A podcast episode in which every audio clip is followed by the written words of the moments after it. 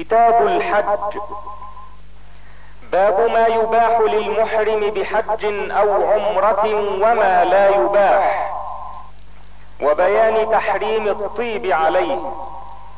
حديث عبد الله بن عمر رضي الله عنهما أن رجلا قال يا رسول الله ما يلبس المحرم من الثياب؟ قال رسول الله صلى الله عليه وسلم لا يلبس القمص ولا العمائم ولا السراويلات ولا البرانس ولا الخفاف إلا أحد لا يجد نعلين فليلبس خفين وليقطعهما أسفل من الكعبين. ولا تلبسوا من الثياب شيئا مسه الزعفران أو ورس وعن ابن عباس رضي الله عنهما قال سمعت النبي صلى الله عليه وسلم يخطب بعرفات. من لم يجد النعلين فليلبس الخفين ومن لم يجد إزارا فليلبس سراويل للمحرم. حديث يعلى رضي الله عنه. قال لعمر رضي الله عنه أرني النبي صلى الله عليه وسلم حين يوحى إليه. قال فبينما النبي صلى الله عليه وسلم بالجعرانة ومعه نفر من أصحابه جاءه رجل فقال يا رسول الله كيف ترى في رجل أحرم بعمرة وهو متمطخ بطيب؟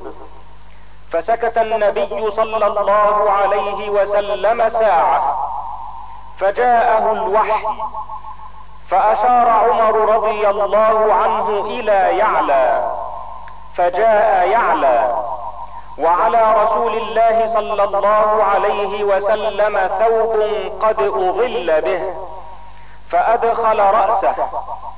فإذا رسول الله صلى الله عليه وسلم محمر الوجه وهو يغط ثم سري عنه فقال أين الذي سأل عن العمرة؟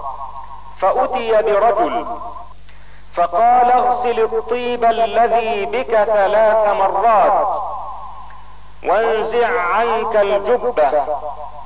واصنع في عمرتك كما تصنع في حجتك. باب مواقيت الحج والعمرة.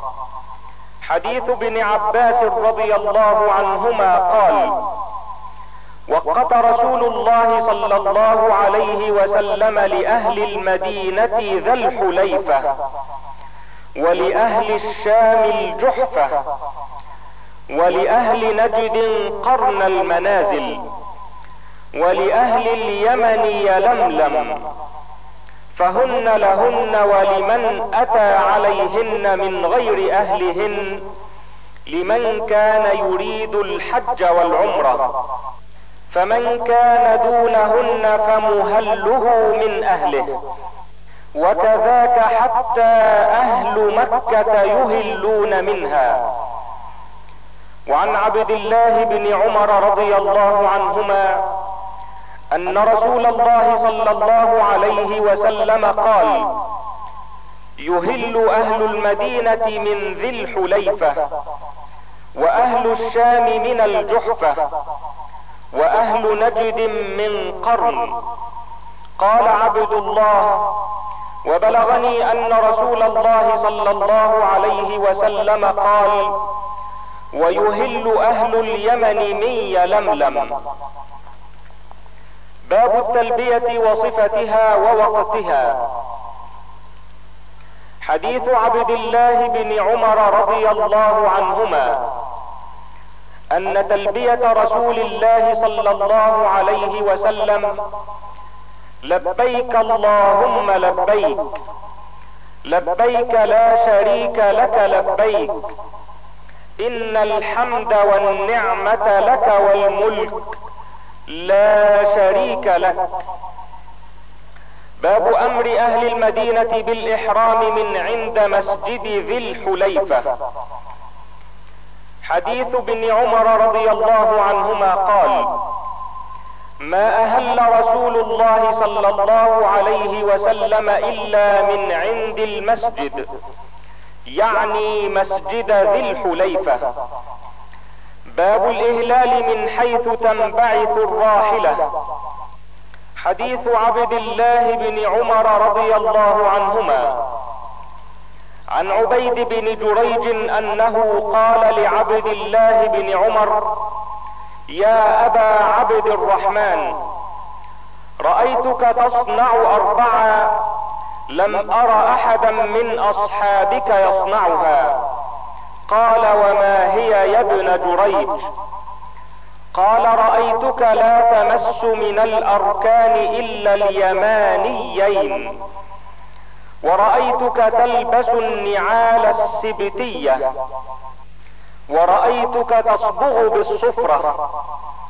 ورأيتك إذا كنت بمكة أهل الناس إذا رأوا الهلال ولم تهل أنت حتى كان يوم التروية. قال عبد الله أما الأركان فإني لم أر رسول الله صلى الله عليه وسلم يمس إلا اليمانيين. وأما النعال السبتية فإني رأيت رسول الله صلى الله عليه وسلم يلبس النعل التي ليس فيها شعر ويتوضأ فيها فأنا أحب أن ألبسها. وأما الصفرة فإني رأيت رسول الله صلى الله عليه وسلم يصبغ بها فأنا أحب أن أصبغ بها. وأما الإهلال فإني لم ار رسول الله صلى الله عليه وسلم يهل حتى تنبعث به راحلته. باب الطيب للمحرم عند الإحرام. حديث عائشة رضي الله عنها زوج النبي صلى الله عليه وسلم قالت كنت أطيب رسول الله صلى الله عليه وسلم لإحرامه حين يحرم. ولحله قبل أن يطوف بالبيت. وعن عائشة رضي الله عنها قالت كأني أنظر إلى وبيص الطيب في مفرق النبي صلى الله عليه وسلم وهو محرم. حديث عائشة رضي الله عنها. عن محمد بن المنتشر قال سألت عائشة فذكرت لها قول ابن عمر ما أحب أن أصبح محرما انضخ طيبا. فقالت عائشة أنا طيبت رسول الله صلى الله عليه وسلم ثم طاف في نسائه ثم أصبح محرما. باب تحريم الصيد للمحرم.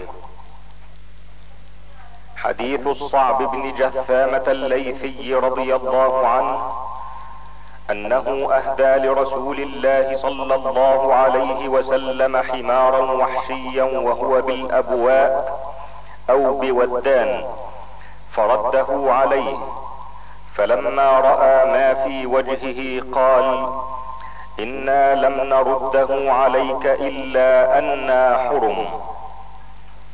وعن أبي قتادة رضي الله عنه قال كنا مع النبي صلى الله عليه وسلم بالقاحة ومنا المحرم ومنا غير المحرم.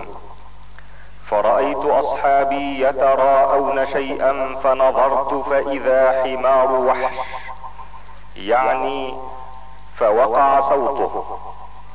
فقالوا لا نعينك عليه بشيء إنا محرمون. فتناولته فأخذته.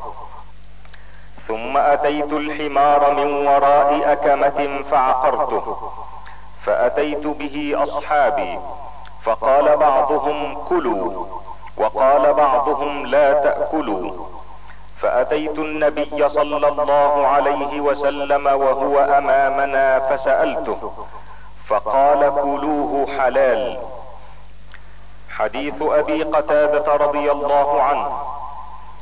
عن عبد الله بن أبي قتادة قال انطلق أبي عام الحديبية فأحرم أصحابه ولم يحرم.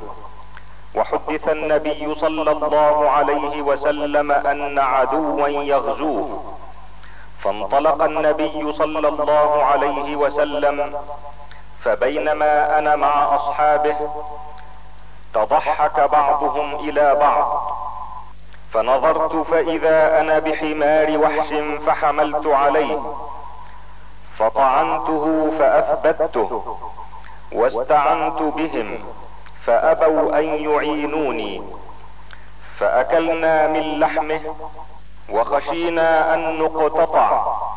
فطلبت النبي صلى الله عليه وسلم أرفع فرسي شأوا وأسير شأوا فلقيت رجلا من بني غفار في جوف الليل. قلت أين تركت النبي صلى الله عليه وسلم؟ قال تركته بتعهن وهو قائل السقيا. فقلت يا رسول الله إن أهلك يقرؤون عليك السلام ورحمة الله. إنهم قد خشوا أن يقتطعوا دونك فانتظرهم. قلت يا رسول الله أصبت حمار وحش وعندي منه فاضلة. فقال للقوم كلوا وهم محرمون. وعن أبي قتادة رضي الله عنه أن رسول الله صلى الله عليه وسلم خرج حاجا فخرجوا معه. فصرف طائفة منهم فيهم أبو قتادة فقال خذوا ساحل البحر حتى نلتقي. فأخذوا ساحل البحر فلما انصرفوا أحرموا كلهم إلا أبو قتادة لم يحرم. فبينما هم يسيرون إذ رأوا حمر وحش فحمل أبو قتادة على الحمر فعقر منها أتانا فنزلوا فأكلوا من لحمها وقالوا أنأكل لحم صيد ونحن محرمون فحملنا ما بقي من لحم الأتان. فلما أتوا رسول الله صلى الله عليه وسلم قالوا يا رسول الله إنا كنا أحرمنا وقد كان أبو قتادة لم يحرم فرأينا حمر وحش فحمل عليها أبو قتادة فعقر منها أتانا فنزلنا فأكلنا من لحمها. ثم قلنا أنأكل لحم صيد ونحن محرمون فحملنا ما بقي من لحمها. قال منكم أحد أمره أن يحمل عليها أو أشار إليها؟ قالوا لا. قال فكلوا ما بقي من لحمها. باب ما يندب للمحرم وغيره قتله من الدواب في الحل والحرم. حديث عائشة رضي الله عنها أن رسول الله صلى الله عليه وسلم قال خمس من الدواب كلهن فاسق يقتلن في الحرم الغراب والحدأة والعقرب والفأرة والكلب العقور. وعن حفصة رضي الله عنها قالت قال رسول الله صلى الله عليه وسلم خمس من الدواب لا حرج على من قتلهن. الغراب والحدأة والفأرة والعقرب والكلب العقور. وعن عبد الله بن عمر رضي الله عنهما أن رسول الله صلى الله عليه وسلم قال خمس من الدواب ليس على المحرم في قتلهن جناح. باب جواز حلق الرأس للمحرم إذا كان به أذى ووجوب الفدية لحلقه وبيان قدرها. حديث كعب بن عجرة رضي الله عنه عن رسول الله صلى الله عليه وسلم أنه قال لعلك آذاك هوامك. قال نعم يا رسول الله. فقال رسول الله صلى الله عليه وسلم احلق رأسك وصم ثلاثة أيام. أو أطعم ستة مساكين أو انسك بشاة. حديث كعب بن عجرة رضي الله عنه. عن عبد الله بن معقل قال قعدت إلى كعب بن عجرة في هذا المسجد يعني مسجد الكوفة. فسألته عن فدية من صيام. فقال حملت إلى النبي صلى الله عليه وسلم والقمل يتناثر على وجهي. فقال ما كنت أرى أن الجهد قد بلغ بك هذا أما تجد شاه؟ قلت لا. قال صم ثلاثة أيام أو أطعم ستة مساكين. لكل مسكين نصف صاع من طعام. واحلق رأسك. فنزلت في خاصة وهي لكم عامة. باب جواز الحجامة للمحرم. حديث بن بحينة رضي الله عنه قال احتجم النبي صلى الله عليه وسلم وهو محرم. بلحي جمل في وسط رأسه. باب جواز غسل المحرم بدنه ورأسه. حديث أبي أيوب الأنصاري رضي الله عنه. عن عبد الله بن حنين قال إن عبد الله بن عباس والمسور بن مخرمة اختلفا بالأبواب. فقال عبد الله بن عباس يغسل المحرم رأسه. وقال المسور لا يغسل المحرم رأسه. فأرسلني عبد الله بن العباس إلى أبي أيوب الأنصاري فوجدته يغتسل بين القرنين وهو يستر بثوب فسلمت عليه. فقال من هذا؟ فقلت أنا عبد الله بن حنين. أرسلني إليك عبد الله بن العباس. أسألك كيف كان رسول الله صلى الله عليه وسلم يغسل رأسه وهو محرم؟ فوضع أبو أيوب يده على الثوب فطأطأه حتى بدا لي رأسه. ثم قال لإنسان يصب عليه اصبب فصب على رأسه ثم حرك رأسه بيديه فأقبل بهما وأدبر وقال هكذا رأيته صلى الله عليه وسلم يفعل. باب ما يفعل المحرم إذا مات. حديث ابن عباس رضي الله عنهما قال بينما رجل واقف بعرفة إذ وقع عن راحلته فوقصته أو قال فاوقصته قال النبي صلى الله عليه وسلم اغسلوه بماء وسدر. وكفنوه في ثوبين ولا تحنطوه ولا تخمروا رأسه فإنه يبعث يوم القيامة ملبيا. باب جواز اشتراط المحرم التحلل بعذر المرض ونحوه. حديث عائشة رضي الله عنها قالت دخل رسول الله صلى الله عليه وسلم على ضباعة بنت الزبير فقال لها لعلك أردت الحج؟ قالت والله لا أجدني إلا وجعة. فقال لها حجي واشترطي. قولي اللهم محلي حيث حبستني. وكانت تحت المقداد بن الأسود.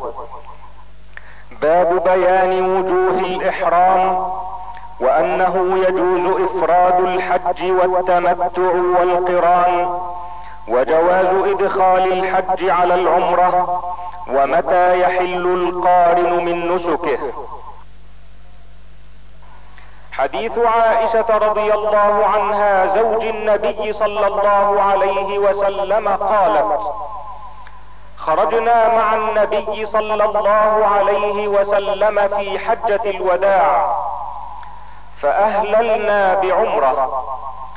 ثم قال النبي صلى الله عليه وسلم من كان معه هدي فليهل بالحج مع العمرة.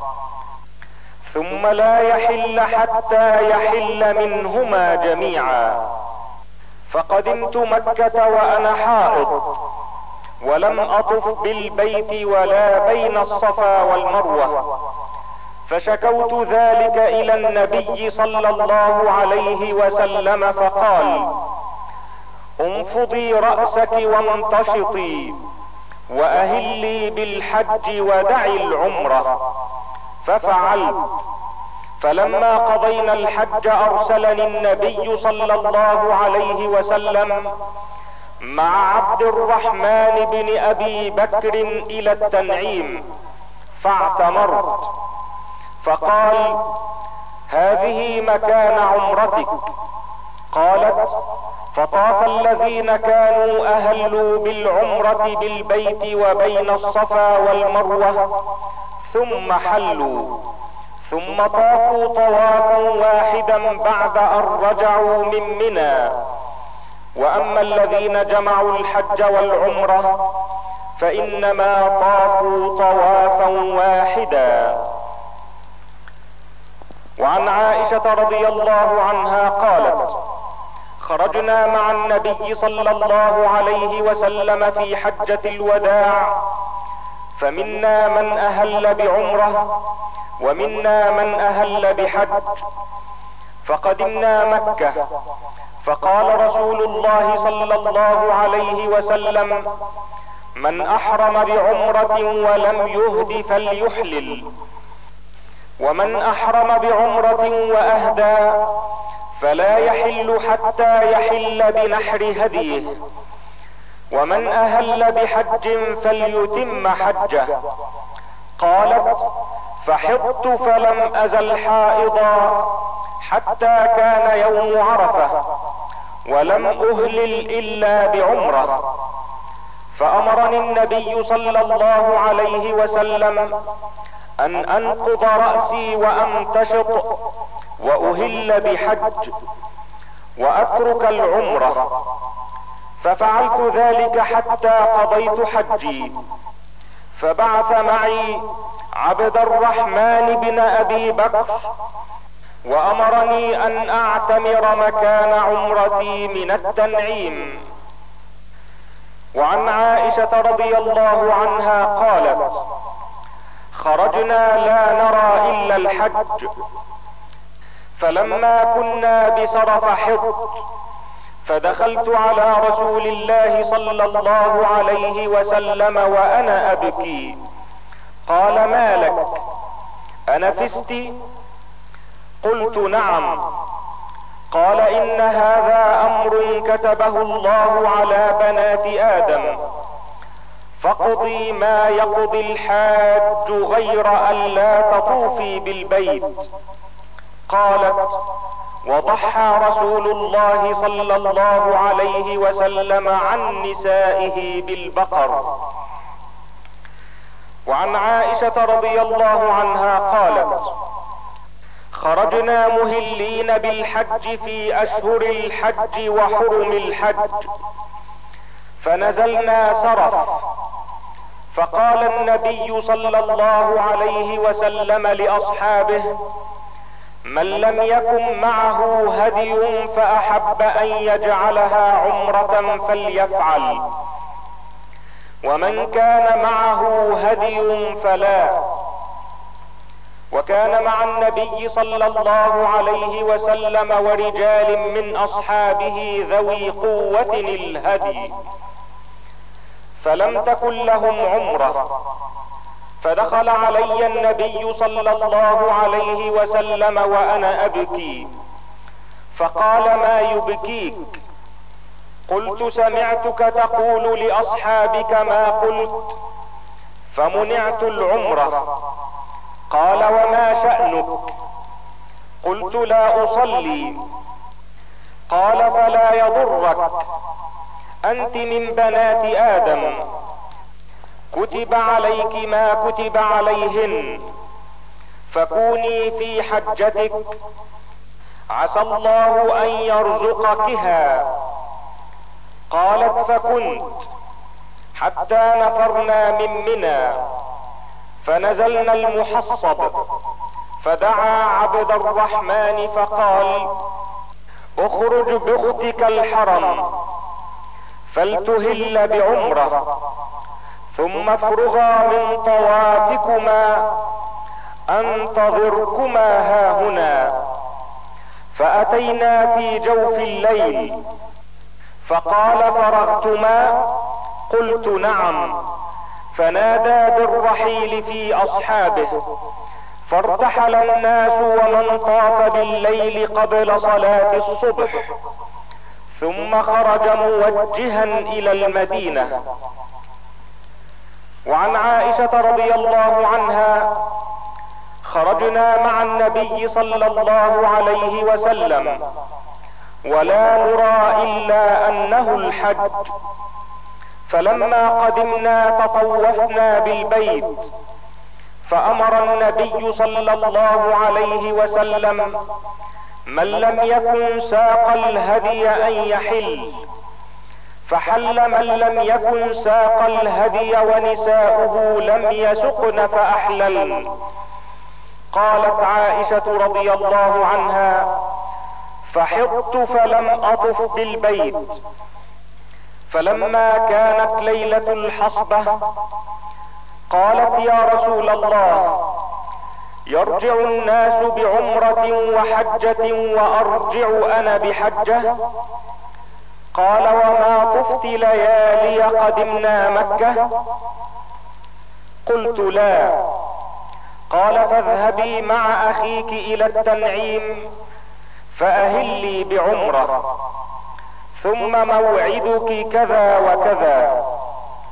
قالت صفية ما أراني إلا حابستهم. قال عقرى حلقا. أو ما طفت يوم النحر؟ قالت قلت بلى. قال لا بأس انفري. قالت عائشة رضي الله عنها فلقيني النبي صلى الله عليه وسلم وهو مصعد من مكة وأنا منهبطة عليها. أو أنا مصعده وهو منهبط منها. وعن عبد الرحمن بن أبي بكر رضي الله عنهما أن النبي صلى الله عليه وسلم أمره أن يردف عائشة ويعمرها من التنعيم.